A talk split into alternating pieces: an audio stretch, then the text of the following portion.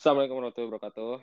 Uh, balik lagi sama gue Arsyad di episode ketiga Modcastken yang udah kayaknya nggak bisa dibilang vakum lagi, udah berhenti sementara. Berhenti sementara tuh apa ya? Ya vakum, cuman kayak kelamaan. Udah hampir dua bulan gue nggak podcast lagi karena kayaknya nih podcast sebenarnya gue sih pengen menjadikan kayak medium gitu sih kalau nulis dan ya udah uh, ini lagi ada obrolan dan ada kawan juga yang mau diajak ngobrol nih malam ini. Uh, sekarang tuh pas podcast ini direkam tanggal 11 Juni tahun 2020 jadi jauh banget sebenarnya dari terakhir rekaman podcast. Sebelum episode ini ada bonus bonus track gitu. Dan itu hasil rekaman dari IGTV gue convert aja ke Spotify uh, dan di sini gue nggak sendiri malam ini. Gue sama apa ya gue bilang kawan lama ya soalnya udah lama banget gue gak ketemu sama kawan gue nih.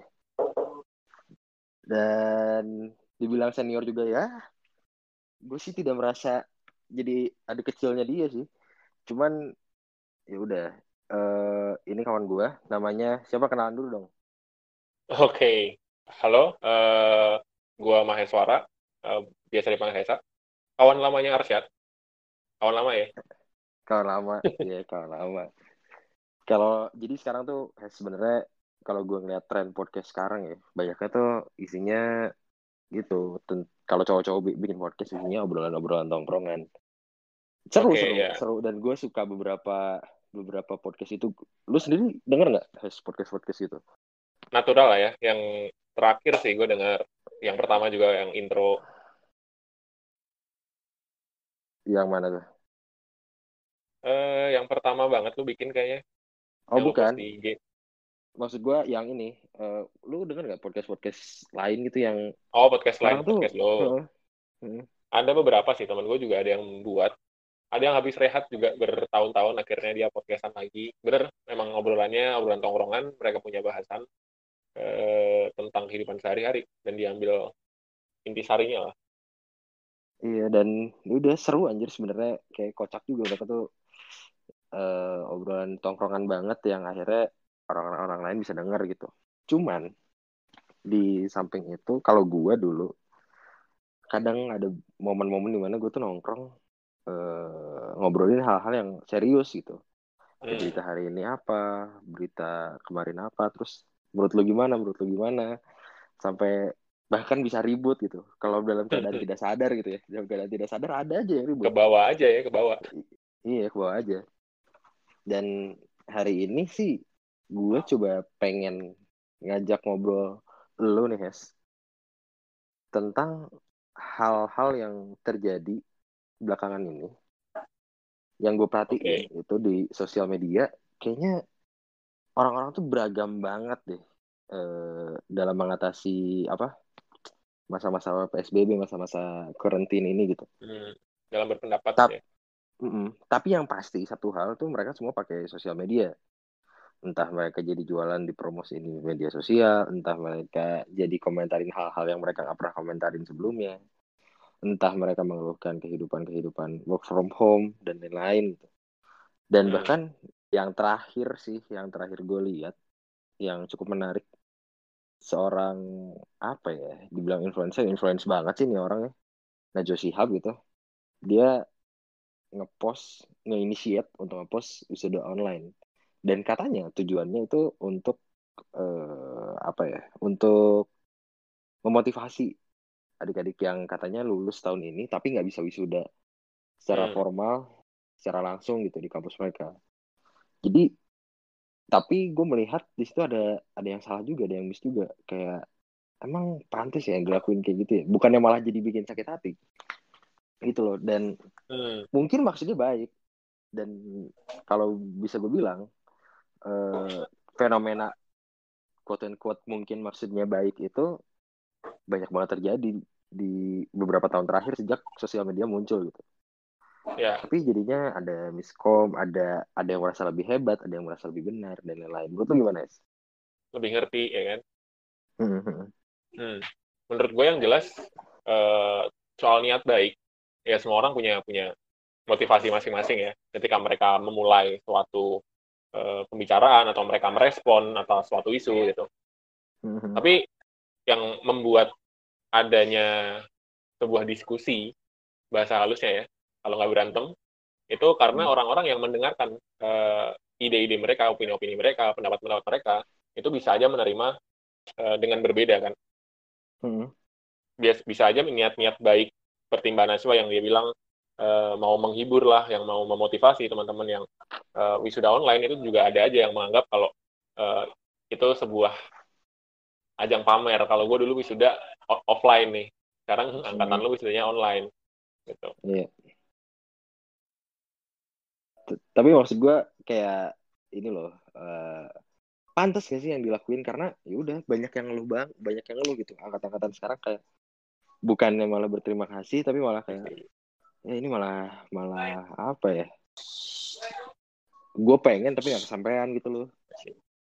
Soal pantas nggak pantasnya ya itu sebenarnya hmm. lu bisa balikin lagi ke uh, banaswanya sendiri. Pantas nggak sih dia ber berpendapat atau memulai sebuah campaign atau beropini dengan campaign hashtag wisuda LDR-nya itu, mm-hmm. kalau gue bilang pantas nggak pantas, itu akan uh, sangat tidak relevan ketika uh, lu ada dalam situasi sosial yang melibatkan uh, terlalu banyak party atau pihak gitu. Okay. Dan di situ nggak ada konsensus, nggak ada konsensus yang dibuat di awal gitu. Misal sebelumnya kita udah bikin bikin kesepakatan kalau ya nggak boleh soal ABCD. Oke, okay, oke, okay, benar. Jadi ya. pendapat jadi pendapatnya Najwa diawali dari Najwa dulu itu dia pure dengan niat bukan dengan konsensus pantas dan tidak pantas. Begitu juga dengan okay. respon orang-orang. Respon orang-orang ini tidak tidak berdasarkan uh, sebuah aturan kan, mereka nggak mereka nggak mengikuti aturan pantas atau tidak pantas gitu. Mereka ya udah uh, menurut gue begini ya gue merespon dengan seperti ini. Menurut gue jelek ya gue bilang jelek. Kalau menurut gue uh, ternyata ada yang bagus ada yang bilang bagus soalnya uh, si kampanye Mbak Najwa ini. Ya oke okay, gitu. Kalau gue yeah, pribadi gue akan melihat dari niatnya. Kalau niatnya dia bagus ya kenapa gue harus menganggap buruk gitu ya kan? Iya yeah, iya. Yeah. oke okay, oke. Okay. Kan, inamal amalu biniat tuh iya iya. Tapi gini ya uh, kan lo tadi bilang ya lu lu lihat juga dari niatnya gitu ya. Dan yeah. mereka kita nih nggak ada konsensus nggak ada nggak ada bisa dibilang pantas atau nggak pantas. Kita throwback dikit lagi throwback dikit lagi mundur beberapa hari sebelumnya atau hmm. beberapa minggu sebelumnya. Itu ada kejadian ini Hasil inget nggak yang di, di di Instagram tuh siapa sih yang jual keperawanan tuh? Lupa gue oh kial kial itu ya Iya ya, Syarakiel ya. Sarah ya, Syarakiel. Iya. Nah, dia kan melakukan hal itu tuh. Seru nih. Iya kan? Gimana gimana? Dia, dia melakukan hal itu gitu. Dia dia bilang e, eh, gue mau menjawab peranan gue. Tatbitnya gue lupa 2 miliar ya, lupa gue. Terus Iya, 2 miliar, 2 miliar. Ada orang yang kalau di Twitter ya, gue gak tahu di Instagram. Di Twitter tuh ada yang ngepost screenshot chatnya DM, dia ya? sama si Sarah Kill ini katanya uh, ya gue cuma melakukan ini buat engagement doang gitu. Hmm. Tapi uh, kalau ke publik, officially dia bilang ini tuh buat uh, ningkatin awareness aja. Iya gak sih? Dia ngomong yeah. gitu kalau si Syarakil ini. Dia merasa kalau orang-orang uh, itu butuh uh, kesadaran bahwa kasus COVID ini itu benar-benar serius ya. Benar-benar serius. Hmm. jadi kayak perjuangan perjuangan teman-teman kita di bidang kesehatan itu sesuatu yang uh, sangat rigorous gitu. Nggak bisa disepelekan dan karena itu dia ingin membantu dengan lelang keperawanan itu gitu kan. Iya. Nah tapi tuh uh, ternyata niatnya jelek tuh. Tapi niatnya gue jadi gue jadi bingung nih niat yang okay, okay. yang mana. Karena efeknya dapat tetap setuju nggak lo? Kalau misalkan nih. jadi ada ada satu fenomena Hmm. Satu fenomena itu uh, kalau di internet namanya wave riding. Oke, okay, wave riding.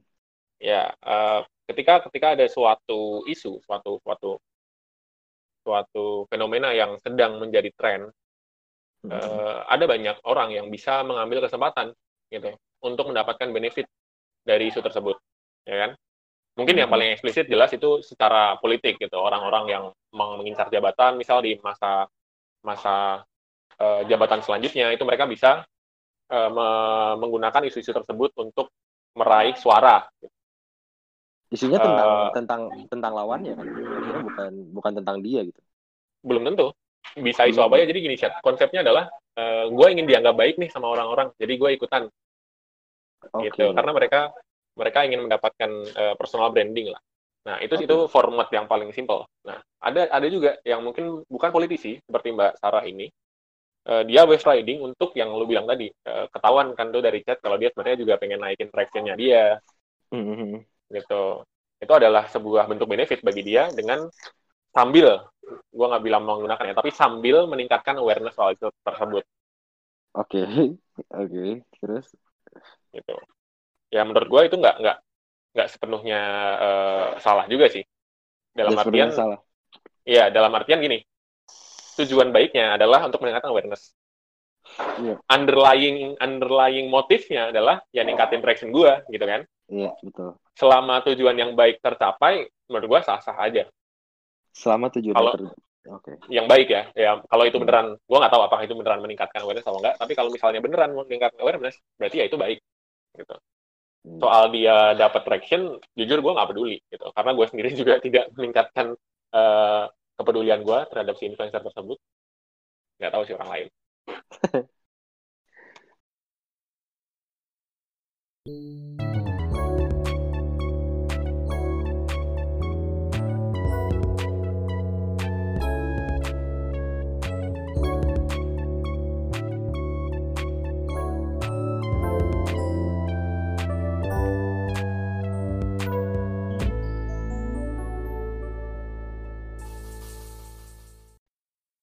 ya gitu loh. Maksud gue banyak orang yang melakukan hak cara yang salah niatnya baik tapi tetap dapat salahnya doang gitu. Tetap dapat judgmental salahnya doang dari orang.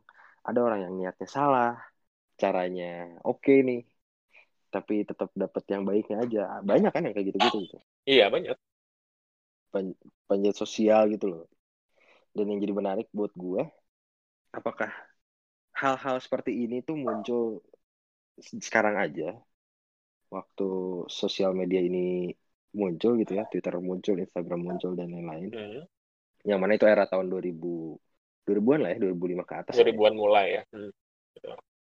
atau sebenarnya dulu pun ada gitu hal-hal kayak gini. Kayak eh, bagaimana sih fenomena-fenomena yang tadi tuh yang terjadi di sosial media itu uh, terjadi juga dulu gitu.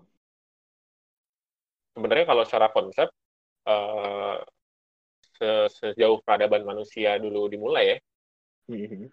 itu nggak akan nggak akan lepas dari uh, interaksi-interaksi sosial yang punya motif dan maksud. Selama lu berhubungan dengan banyak orang, uh, kalau dulu mungkin dikenal yang paling yang paling konvensional mungkin virtue signaling namanya. Jadi yang tadi gue sebut virtue signaling. Oke. Okay. Virtue signaling itu uh, istilah ketika gue uh, seseorang seorang agen dalam lingkungan sosial itu ingin menunjukkan hmm. sebuah kualitas yang baik atau virtue uh, dengan suatu action, dengan suatu kode lah, kode-kode sosial gitu.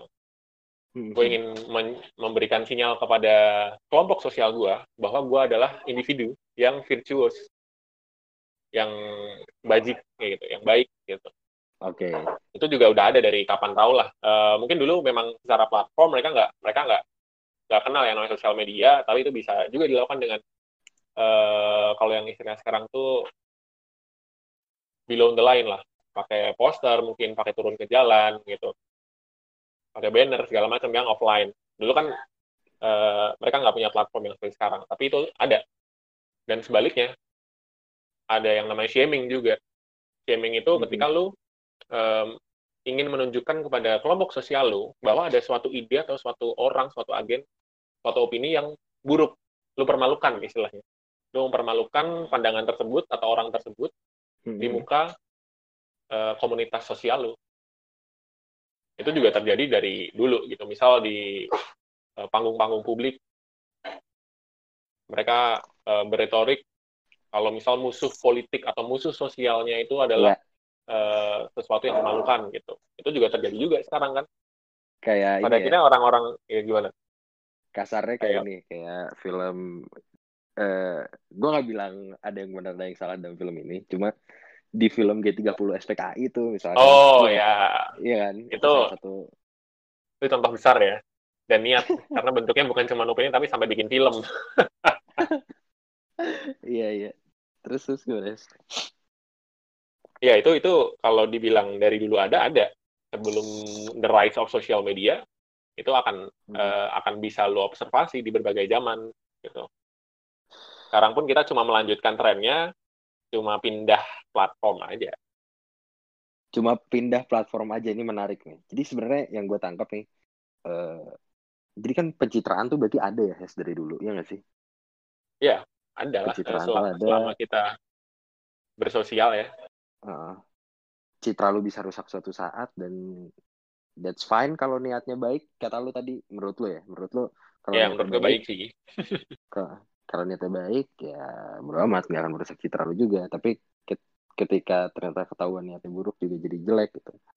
Nah terus ada kata lu bilang tadi kita coba berpindah platform. Jadi kalau dari perasaan gua es dulu gue cuma pakai gue nggak tahu sih si Yahoo Messenger tuh udah bisa dibilang sosial media belum sih? Udah lah ya. Sudah sih kita udah bisa bisa bikin grup gitu kan ya di sana ya?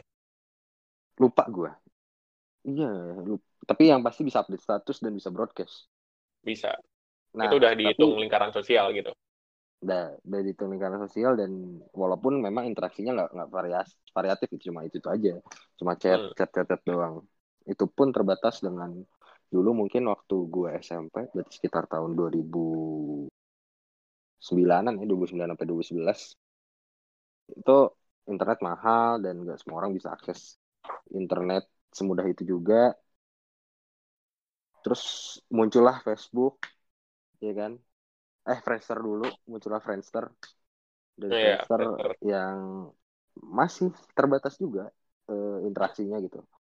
Masih cuma komen-komenan doang ya nggak sih kalau di yeah. Facebook, kayak di copy lah sebenarnya ke Facebook tuh jadi wall to wall ya nggak sih ya jadi mungkin dari Friendster yang sifatnya kita cuma uh, visit profil temen gitu kan terus mm -hmm. ada Facebook ada wall yang kita oh. menggunakan platform teman kita gitu untuk berpendapat uh -huh. terus mungkin sekarang yeah. Twitter yang beneran dinamis gitu Twitter dinamis Facebook juga sebenarnya dinamis cuma kayaknya beda beda ini aja gak sih beda apa beda segmen aja gak sih? Kalau gue yeah. sih iya. rasanya gitu ya. Benar sih uh, secara secara konsep ya kita juga berinteraksi cuma dengan keterbatasan masing-masing kan. Iya keterbatasan dan ketertarikan masing-masing sih. Dulu tuh ya itu objeknya ya. Facebook tuh dulu cuma bisa temenan Hes. Sekarang tuh udah bisa awalnya? Iya. Sekarang tuh udah ada ada page ya kan? Ada fan page gitu kan terus lu bisa follow. Jadi lu seolah-olah lu nggak harus temenan sama sama orang itu buat tahu kabar orang itu gitu. Kalau yeah. itu terbatas banget lingkaran kita ya udah buat teman-teman kita doang. Bahkan gue tuh dulu gue nggak tahu kepencet atau apa. Eh gue nggak tahu kayak gimana alurnya tapi dulu tuh gue bisa temenan sama sama ada deh wakil wali kota dulu anjing di Facebook. Se ya dulu tuh kalau mau tahu kabar tentang dia tuh harus temenan dulu gitu dan sekarang hmm. ya udah semua orang bisa menikmati dan satu-satunya cara menaring menyaring tuh cuman dengan membuat account lu private aja ya kan oh ya yeah, I see entah itu di Twitter itu di Facebook terus menurut lu gimana nih tentang kebijakan privacy dari si si Instagram, si Twitter ini gitu? Uh, privacy dalam artian tadi berteman atau privacy ke jadinya apa namanya data-data mereka nih? Jadinya gini sih, jadinya gini, bukan privacy sih, tapi lebih ke kebebasan berpendapat loh. Gue tuh entah hmm, kenapa, okay. entah, entah kenapa gue jadi merasa karena kita lagi bahas ini ya, entah kenapa gue tuh jadi merasa ketika akun gue tidak di private, gue jadi semakin harus membatasi diri kalau gue mau ngomong apa. Oke, okay, itu bisa bisa jadi konteks. iya dan dan yang jadi masalah adalah gue pernah ngalamin satu apa ya dibilang harassment atau diserang kali ya diserang karena satu satu ocehan satu omelan satu tweet di twitter gue yang gue hmm. rasa gue berhak ngomong itu karena balik lagi kalau kata lu tadi nggak ada konsensus ya kan ada nggak ada pantas nggak pantas gitu dalam omongan gue itu dan ya udah gue diserang sama orang yang merasa. Ngerti lo? Hmm. bahkan gue tidak menyebutkan secara spesifik orang siapa tapi dia merasa. Dia nyerang gue gitu. Gue jadi mikir kayaknya kalau account gue di private akan lebih aman deh hidup gue akan lebih tentram tapi kayaknya juga harusnya nggak masalah kalau orang lain baca dan harusnya juga gue nggak di komen sekeras itu bahkan sampai ditelepon sama orangnya. Gitu. Woy. keras ya? Keras keras banget. Gimana tuh menurut lo uh, yang pertama sih uh, ini sebenarnya gue melihat kesiapan kesiapan uh, kita uh, secara secara masyarakat dalam menggunakan uh, sosial media gitu. Uh, dalam artian ketika lu masuk ke dalam lingkungan sosial media lu lu harus tahu gitu uh, bagaimana sosial media bekerja apa saja kemungkinan yang akan terjadi ketika lu menggunakan sosial media. Hal paling sederhananya ya misal ketika account lu nggak di private ya lu semua semua opini lu semua hal yang lu post itu akan bisa diakses oleh siapa pun yang jelas. Bahkan bisa di copy bisa. Bisa ditiru bisa di copy bisa disalah artikan bisa dibelokin lah segala macam. Itu itu konsekuensi. Ya, ketika akun lu di private ya konsekuensinya akan terjadi echo chamber gitu yang bisa menerima pendapat lu ya orang-orang yang ada di yang ada di close circle lu yang di private itu. Mm-hmm. bahkan hal sesimpel gini deh uh, send notes send notes oh iya send notes sih baru baca deh gue tadi tweetnya. Soal soal Iya soal soal DM DM atau uh, personal chat itu kan kalau lu nggak personal chat orang, sekalipun itu personal ya, hmm. uh, bahkan sekalipun lu ngepostnya di private atau di close friend kalau di Instagram gitu, itu bisa aja di screenshot dan disebarin, ya gak? Intinya itu udah jadi hak orang lain kan, ketika orang lain orang itu lihat, yaudah itu jadi hak dia, hmm, sih? Gue nggak akan bilang gitu. itu hak sih. Okay. Gue akan bilang itu uh, konsekuensi logis gitu. Itu possibility okay. yang ada dan harus lu pertimbangkan ketika lu melakukan apa pun. Oke. Okay. Kalau kita ngomongin hak kan udah levelnya udah satu konsep yang dipahami bersama gitu kan. Nah, dan itu legal sih. Udah ya, itu legal. Uh, itu konsep yang imajiner gitu. Tapi gue kalau gue pengen bahas itu, gue akan bahas dengan uh, secara realis. Itu possibility yang ada dan lu harus aware akan possibility itu. Itu aja sih off the record karena nih ya. walaupun iya off the record karena uh, apa pun yang dilegalkan atau kita kita mungkin kita secara uh, secara masyarakat ada konsensus bahwa A itu boleh A itu B itu tidak boleh itu pun uh, bisa aja di trespass kan bisa aja dilanggar kan yeah. maka dari itu gue lebih uh, lebih suka untuk melihat dari sisi pandang realistis aja kalau itu possible ya lu harus aware akan possibility itu. Gue gue gue gue pernah nanya sih sama temen gue tapi gue lupa jawabannya. Mungkin lu lebih tahu nih. Di UU ITE tuh ini gak sih? Diatur gak sih soal itu tuh? Yang Kayak, mana nih? uh, kalau konten pornografi iya. Cuman yeah. soal konten orang diambil di share ulang. Hmm. itu di, hmm. diatur gak sih Uh, karena gue akan bilang UIT ini juga masih uh, prototipe ya. Ini ini bukan sesuatu yang udah berjalan berpuluh-puluh tahun dan direvisi berkali-kali. UIT UIT itu umurnya belum panjang lah. Dia belum melalui hmm. berbagai macam amandemen segala macam. Secara praktis juga kita masih belajar makainya gitu kan. Hmm. Sekarang UIT belum cukup spesifik gitu untuk address masalah uh, konten atau posting yang di, diberikan secara private. Memang ada, memang ada. Uh, gue agak gue gak lupa ayatnya tapi ada beberapa yang mention bahwa hmm. lu nggak bisa menyebarkan uh, dengan seenaknya percakapan pribadi gitu oke okay. harus ada apa ya konsen dari pihak lain gitu. Gue sih dengar iklan di radio katanya screenshot juga bisa dilaporin screenshot chat. Ya. Oh. Maksud gue gini sih, eh, batasan-batasannya tuh belum di-define secara spesifik ya udah percakapan pribadi gitu misal. Hmm. Kan bisa aja di di satu satu sosial media misal gue akan bilang contoh Instagram. Close friend itu percakapan pribadi bukan? Iya betul. Iya dong. Menur menurut lu percakapan pribadi ya? Iya. Tapi eh, itu tapi... tidak di, di, Nah, gimana? Tapi nggak bisa juga sih karena ya orang lain udah udah udah lihat gitu. Ya, uh, akun lu di private, lu ngepost itu percakapan pribadi bukan? Percakapan pribadi bukan ya? Jadi bingung. Banyak gini nih, uh, kita nggak bisa kita nggak bisa nge-state karena kita juga bukan orang yang berwenang di situ kan. Tapi maksud gue yeah. adalah uh, sekalipun sekalipun nanti dibawa ke pengadilan, terlalu banyak terlalu banyak uh, uncharted territory mm-hmm. di sosial media tuh yang nggak didefinisikan di UITE gitu. Oke. Okay. Tapi mungkin Menurut ya, gua, mungkin. Mungkin, mungkin. Itu mungkin dilaporkan. Mm-hmm. Dan tergantung kalau ya kalau balik lagi ke realistisnya itu kuat-kuatan pengacara sih nanti ujung-ujungnya. tapi enggak maksud gue mungkin gitu. Mungkin sebenarnya kalau kita baca teliti ini loh has apa sih ada terms and condition tuh kan. Hmm, kalau terms and condition. apa kayak ada sih di situ.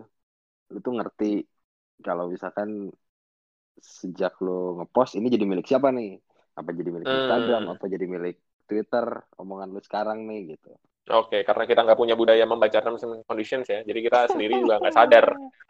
ya gimana langsung checklist aja anjir. Apa kan? Tapi kan kalau itu kita bicara soal orang yang yang membuka lah, membuka dirinya gitu. Uh, lu nggak di private, lu nggak di nggak ditutupin lah, nggak ada yang ditutupin dari lu Instagram lu bisa dilihat hmm. semua orang, bahkan bukan followers lu bisa lihat itu gitu di sisi lain ada orang yang mencoba keras untuk menutupi dirinya tapi dia masih pakai itu sosial media dengan salah satu fenomenanya adalah dengan mencoba membuat second account. Oke. Okay. Ini, anon, ini anon. ngomong nih soal ini sama gue nih. Uh, second account itu fenomena apa ya? Kalau gue bisa dibilang sebenarnya di satu sisi tuh orang-orang yang punya second account itu jadi jadi korban juga karena mereka jadi nggak berani untuk uh, berekspresi gitu loh karena takut hmm. dijudge takut di diomongin sama orang takut yeah. intinya dap dapat konsekuensi logis yang jelek lah buat dia tapi di sisi lain gue juga kadang melihat nih orang bisa jadi fake gitu karena ada nih teman-teman gue ya terserah lah teman-teman gue setelah ini yang punya second account akan membenci gue atau enggak tapi ada beberapa. Ada beberapa yang gue follow gitu ya.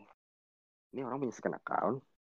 Bicaranya eh, eh di first accountnya dia ngomong si A ini ngomongin A itu adalah best friend gue atau bla bla segala macem. Hmm. di momen lain dia akan ngomongin tuh tentang si A lewat second account itu ada cing. Jadi kayak apa ya jadi pintu pintu kemunafikan juga gitu loh menurut gue iya iya gue paham. Menurut lu gimana tentang fenomena adanya second account ditambah lagi kalau ada second account yang punya close friend kan? Itu udah kacau ya. menurut gue multiple layer lah ya. Multiple layer ya. jadi gini itu ini balik lagi kayak tadi. Benar kata lu soal konsekuensi logis yang jelas uh, mereka pasti menghindari beberapa atau sebagian dari konsekuensi logis yang akan terjadi gitu ketika mereka uh, menggunakan main accountnya ya kan? Mm-hmm. di sisi lain uh, ini soal benefit juga sih. Bentuk bentuk benefit apa yang akan mereka dapatkan uh, atau mereka pikir akan mereka dapatkan ketika mereka ngepost A di main account dan B di second account. Misal uh, skenario lu tadi gitu. Uh, dia bilang dia adalah best friend dengan uh, X gitu di main account. Yeah. Biar apa sih? Mungkin uh, ya menjaga tali silaturahmi aja gitu. Mereka nggak ingin punya bad bad apa ya? Bad blood lah sama orang tersebut gitu. Oke, okay, yeah, we are good yeah. gitu di di depan. Tapi mungkin di belakang mereka juga ingin menumpahkan menumpahkan emosi atau menumpahkan yeah. Iya. uh, curahan hati gitu. Dan itu juga benefit menurut gue. Benefit dalam artian kalau lu pendem perasaan juga nggak enak kan mereka ingin ya, merasa lega gitu itu benefit juga tapi yang jadi masalah menurut gue ya menurut gue ada kalau dalam kasus tadi tuh ada orang-orang yang mungkin nggak perlu tahu tuh. Walaupun hmm. dia ada di second accountnya gitu walaupun si X gitu orang di luar sana nge-follow second accountnya si A ini eh si B ini yang ngomongin si A tadi. Tapi dia nggak perlu tahu sebenarnya. Hmm. karena malah akan jadi bahan omongan juga nantinya di luar luarnya gitu. Iya gak sih gue sih iya itu. gue bahkan pernah ini di tongkrongan gue gue pernah uh, ngedengar satu kabar dari orang gitu yang kayaknya tuh gue nggak harus denger juga nih kabar tentang orang ini karena gue nggak deket banget sama orang ini gitu. Tapi bisa ngebuat gue ketika ketemu orang ini gue jadi ke bawah aja opini anjing nih orang bangset nih si pelakor atau si tukang selingkuh gitu. Gue jadi jadi ke bawah anjing. Hanya karena opini orang gitu loh padahal bisa jadi gue nggak harus tahu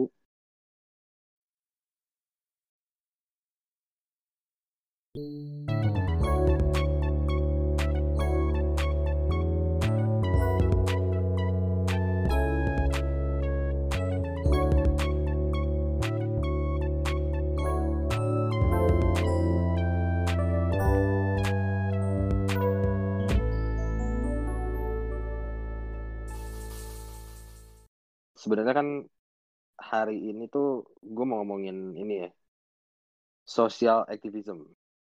Oke, okay, social activism. Ya, sebenarnya definisi lu sendiri has Ke, uh, tentang social activism ini tuh apa sih? Social activism, uh, disclaimer dulu, gue bukan gue bukan lulusan sosiologi, tapi yang jelas uh, yang gue tahu social activism itu ketika lu ingin berperan secara aktif dalam perubahan sosial. Okay. Perubahan sosial kan banyak ya, e, mengarahnya ke mana, di sektor apa, gitu kan. Nah, mm-hmm. social activism itu suatu kegiatan ketika satu agen di dalam lingkungan sosial tersebut ingin berperan dalam perubahan sosial itu. Ikut mengarahkan lah perubahan sosial ke arah mana yang dianggap e, baik atau benar gitu. Mm-hmm. Nah, berarti balik lagi nih, kan definisi benar dan salah tuh lagi-lagi beda ya. Gue betul menurut gue benar menurut gue menurut menurut gue benar gitu. Dan balik lagi tuh tadi yang di awal gue omongin kayak sekarang sekarang ini ada yang merasa benar ada yang merasa lebih benar ada yang merasa tidak mau salah dan lain-lain bahkan yang terakhir ya, kalau lu tahu uh, ada conversation yang private sebenarnya. Di twitter gue nggak apa-apa gue share di sini dan gue akan sebut orangnya cuman ini jadi jadi akar pemikiran gue juga untuk episode ini. Jadi beberapa lama eh beberapa waktu yang lalu gue sempet di apa ya? Oh melihat postingan teman gue di Twitter yang uh, akunnya private. Jadi uh, lu dan pendengar yang lain juga gak akan bisa lihat Twitter uh, tweetnya. Orang ini nge-tweet uh, tentang Papua. Hmm. Dan Jokowi kalah di pengadilan kan? Yap gara-gara apa tuntutan atas dia beliau memutus akses internet di Papua selama kerusuhan yep. itu kan.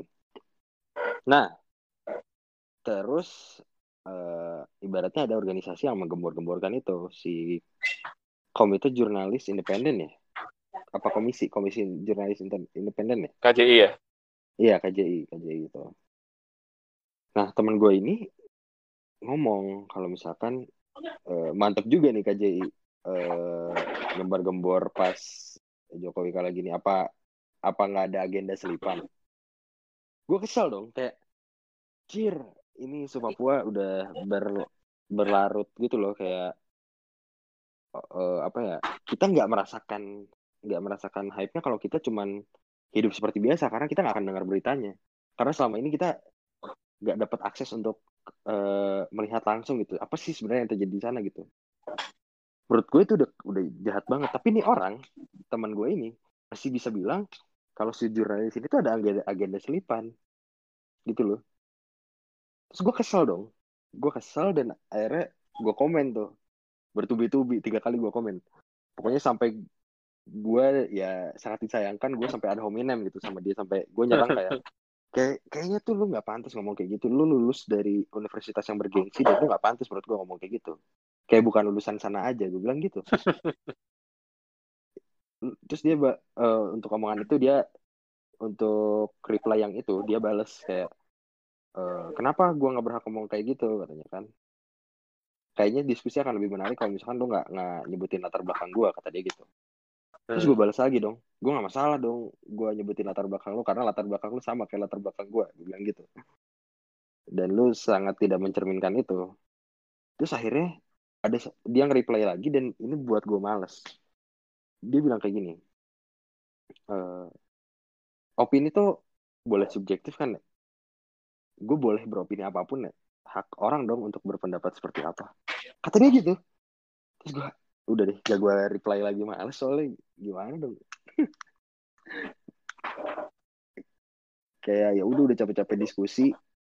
Udah capek-capek maksudnya gue udah capek-capek mikirin udah pengen bikin skakmat dia. Dibalasnya kayak gitu kayak ya kita bebas men gitu. Terserah kita mau ngomong apa aja lu lu boleh ngomong apa aja dan gue juga boleh ngomong apa aja. Dan hmm. dalam kehidupan sehari-hari gue tuh selalu kalah sama orang yang kayak gini Hes. Yang berargumen ya dan berargumen gitu. Gue tuh selalu kalah sama orang yang kayak gini. Yang ya udah kita uh, agree to disagree aja gitu. Ya ya ya. Dan itu sering terjadi di gue karena tipe pendekatan gue dalam berargumen tuh selalu dengan cara nanyain gitu. Dengan metode five why lah yang masih gue pegang sekarang. Kenapa kenapa kenapa kenapa? Selalu gue tanya kayak gitu. Instead of gue bilang lu nggak bisa kayak gitu. Gue nggak suka mengeluarkan uh, statement yang tegas. Tapi gue selalu bikin dia mikir uh, pertanyaan gua, mikirin pertanyaan gue dan nemuin jawabannya sendiri. Dan gue harap jawaban itu adalah opini gue gue selalu kalah sama orang kayak gini gitu. Dalam berargumen gitu loh. Dan itu sekarang terjadi di media sosial gitu loh. Yang kalau gue jadi terlihat males tuh gue jadi kayak anjing culun nih Arsyad. Nggak ngebales tweet gue gitu iya kan ya, gue juga bukan mau menang atau kalah cuman maksud gue ya jadi gitu loh jajingnya karena orang ngelihat gue gitu gimana sebenarnya lu nggak bisa bilang lu kalah sih karena yeah. pada akhirnya agree to disagree kan. Cuma lu nggak mendapatkan apa yang lu inginkan, ya nggak? Gue bahkan menurut gue gue merasa jadi di luar konteks gitu gak sih? Ya, lu ingin lu ingin mendapatkan sebuah diskusi yang sehat gitu kan, dan dan ada ujungnya, ada ada conclusion. Iya, walaupun gue memang mengawalinya dengan sih ya. Nggak masalah sih diawali seperti apa juga.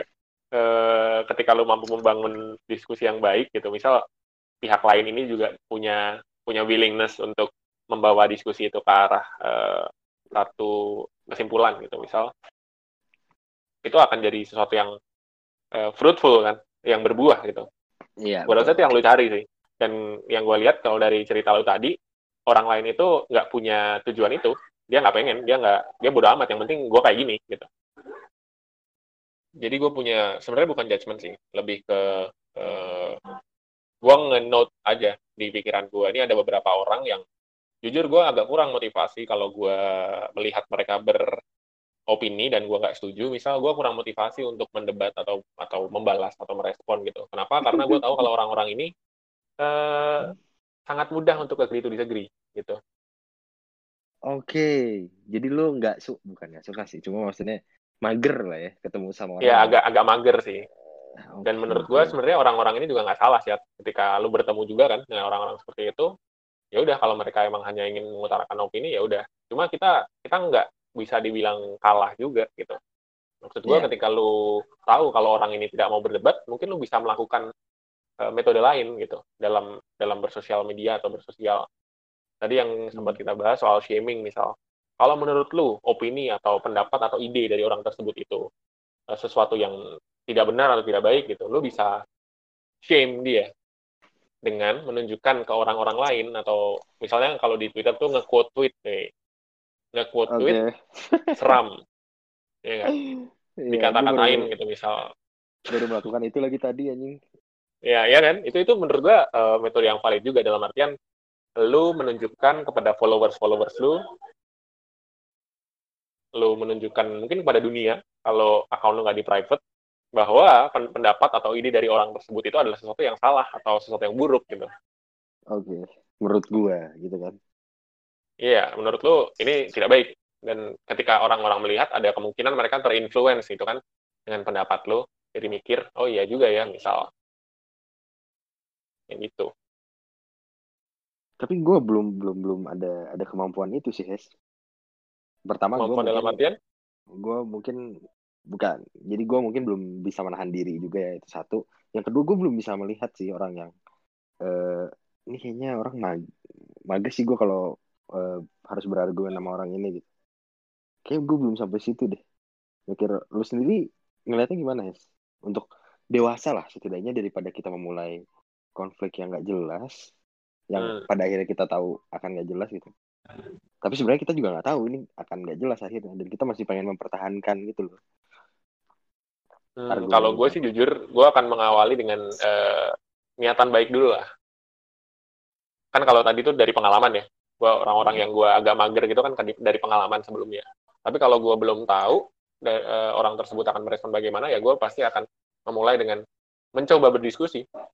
Gue coba kasih tahu opini gue gue coba respon atau mungkin uh, eh, gue sendiri yang memulai dan ada orang lain yang merespon ya gue akan mencoba membalas respon mereka dengan uh, dengan format yang gue nggak bisa bilang friendly sih tapi paling nggak dengan terarah lah kalau gue tuh berpikiran seperti ini alur berpikirnya seperti ini dan gue jelaskan gitu kan hmm. kalau mereka ternyata adalah tipe-tipe orang yang memang tidak mau berdebat atau mereka hanya ingin memberitahu opini mereka, ya tadi gue akan kembali ke metode mungkin shaming, mungkin dengan menegaskan kembali opini gue supaya apa? Supaya ya harapan gue sih orang-orang yang terekspos atau ke reach gitu oleh opini-opini gue itu mendapatkan insight at least lebih baik lagi hmm. kalau mereka terinfluence dan dan memiliki pandangan yang sama dengan gue. Oke, ini uh, gue mau throwback juga nih ya, mau throwback ke satu tahun yang lalu. Kan tadi lu bilang uh, ya udah lu akan mencoba dengan niat baik nih, niat mm -hmm. baik, terus uh, dengan cara yang lebih ramah lah ya, bisa dibilang lebih ramah gitu. Untuk setidaknya mencoba dulu memberikan penetrasi tentang argumen lu gitu kan sama sama lawan bicara yeah. lu gitu throwback ke tahun 2019 ada fenomena yang sangat menurut gue sih cukup memecah belah Indonesia itu soal cebong dan kampret kan ya oh ya oke okay. instead of kita uh, memperhatikan buzzer gitu ya kita akan coba mengenyapingkan si buzzer-buzzer ini. Kita ambil core-core-nya aja gitu. Uh, ibaratnya garda-garda terdepan dari kedua belah pihak ini. Yang sering kita lihat juga di entah di debat, entah di acara mata najwa, di talk show atau di mana pun gitu, mereka sering berdebat gitu kan. Tapi sikap yang ditunjukkan adalah ya udah itu. Yang sama-sama merasa lebih pintar, sama-sama merasa lebih benar gitu loh. Sedangkan tujuannya harusnya baik buat Indonesia, Hes. Berarti harusnya tujuan baik ini nih nggak akan get along ketika ada ada ya, ada unsur kepentingan gitu loh di dalamnya iya nggak sih sebenarnya uh, dari tujuannya sendiri sih itu juga gue nggak bisa bilang 100% tujuannya adalah untuk uh, misal gue ingin semua orang mengikuti uh, pilihan gue untuk Indonesia yang lebih baik gitu gue nggak berani oh. ngeklaim itu jujur tapi okay, okay. Uh, karena karena gini sih ada aja orang-orang yang ya udah uh, gue hanya ingin menunjukkan superioritas moral gue kalau yang yang gue pikirkan itu adalah yang paling uh, benar lah yang paling baik lah uh-huh. karena gini sih uh, kalau kita bilang tujuan mereka adalah supaya ya pemimpin yang terbaik untuk Indonesia itu terpilih. Mungkin mereka entah mereka nggak ngerti atau mereka nggak bermaksud mereka harusnya mencari cara yang lebih efektif gitu untuk untuk membuat orang-orang lain mengikuti pilihan mereka. Kalau mereka udah hostile dari awal, ya gimana orang lain mau mengikuti gitu kan? Okay. Jadi malah berdebat nggak jelas kan yang kayak lo bilang gitu. Iya, iya, iya betul. Itu itu bukan cara yang efektif jujur menurut gua untuk membuat orang-orang mengikuti lo gitu. Kecuali orang-orang yang dari awal emang pandangannya udah sama kayak lo. Tapi gue kayaknya pengetahuan lo lebih lebih lebih lebih banyak gitu ya Hes. soal ini. Di luar sana Hes. Di negara-negara lain Hes. Kalau misalkan lagi kayak gitu gitu lagi pemilu gitu emang segininya ya Hes? Maksudnya sampai sepecah ini gitu? Uh, sebenarnya ya kalau soal pecah atau nggak pecahnya itu pasti ada. Uh, pasti tapi ada lebih ke ini sih Hes. Lebih ke kita gue nggak mau bahas politiknya cuma bahasnya lebih ke ini kayak style orang-orang di sana. Oh, Oke. Okay. Dalam berargumen tuh gimana sih sebenarnya gitu? Apa sampai kayak kita gini atau enggak? Uh, yang satu yang jelas ya, uh, kita nggak bisa secara spesifik lihat satu persatu negara-negara ini. Tapi kalau yang dari yang uh, visible aja, hmm. itu misal di US gitu. Kalau yang gue lihat mah, mereka sama-sama aja. Ada aja perdebatan keras dan kadang-kadang debat kusir juga gitu, yang terjadi di media sosial. Mm-hmm. Menurut gue itu bukan sesuatu yang eksklusif di sini di Indonesia. Tapi oh, kalau ini gue cuma keyakinan aja. Kalau ini gue yakin kalau itu berbanding lurus sama diversitas dan uh, skala dari negara tersebut. Semakin gede, semakin diverse, ya perdebatan seperti itu akan semakin mungkin terjadi. Hmm, ribet juga anjing hidup di negara gede gitu ya. Lo tau gak sih demokrasi itu awalnya kan dibangun di Yunani ya di Athena dulu gitu. Itu itu orang-orangnya sedikit ya. Maksudnya uh, lu bisa ngumpulin yeah. mereka di istilahnya kayak town hall lah. Iya, yeah, tahu gue.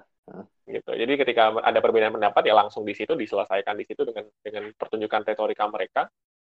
Gitu. Tapi semakin besar, kan lu nggak bisa ya ngumpulin se Indonesia di satu gedung DPR misalnya. Yeah. Yeah, sampai betul. harus pakai perwakilan lah, apalah, dan itu melalui jalur komunikasi yang panjang makin susah hmm. untuk menyatukan pikiran-pikiran orang gitu. Apalagi dengan kondisi-kondisi geografis, kondisi finansial, kondisi teknologi yang berbeda-beda hmm. gitu. Gue lagi lagi ongoing sih ini course online di IDX soal retorika gitu ya. Ya bener sih dulu sejarahnya emang eh, demokrasi munculnya seni retorika tuh dari demokrasi gitu dari orang-orang yang dikumpulin terus ada orang-orang yang bisa ngomong yang bisa punya pengaruh tuh jadi punya value yang lebih dan high demand gitu dulu tuh.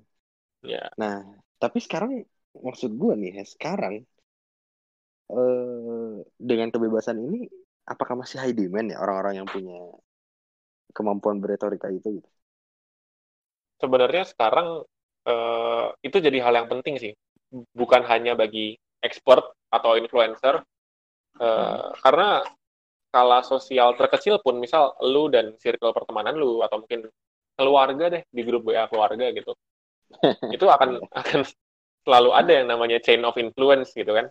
Ketika yeah. misal ada bokap lu atau kakek lu atau siapa pun anggota keluarga lu yang nge-share berita dan mereka uh, menjelaskan ABCD gitu. Kalau uh, yang benar yang baik yang virtuous itu adalah ini.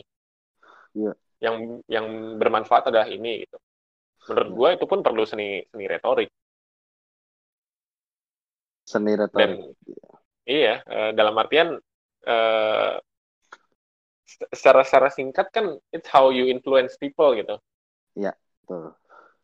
Dan tadi social shift itu juga berjalan di skala terkecil.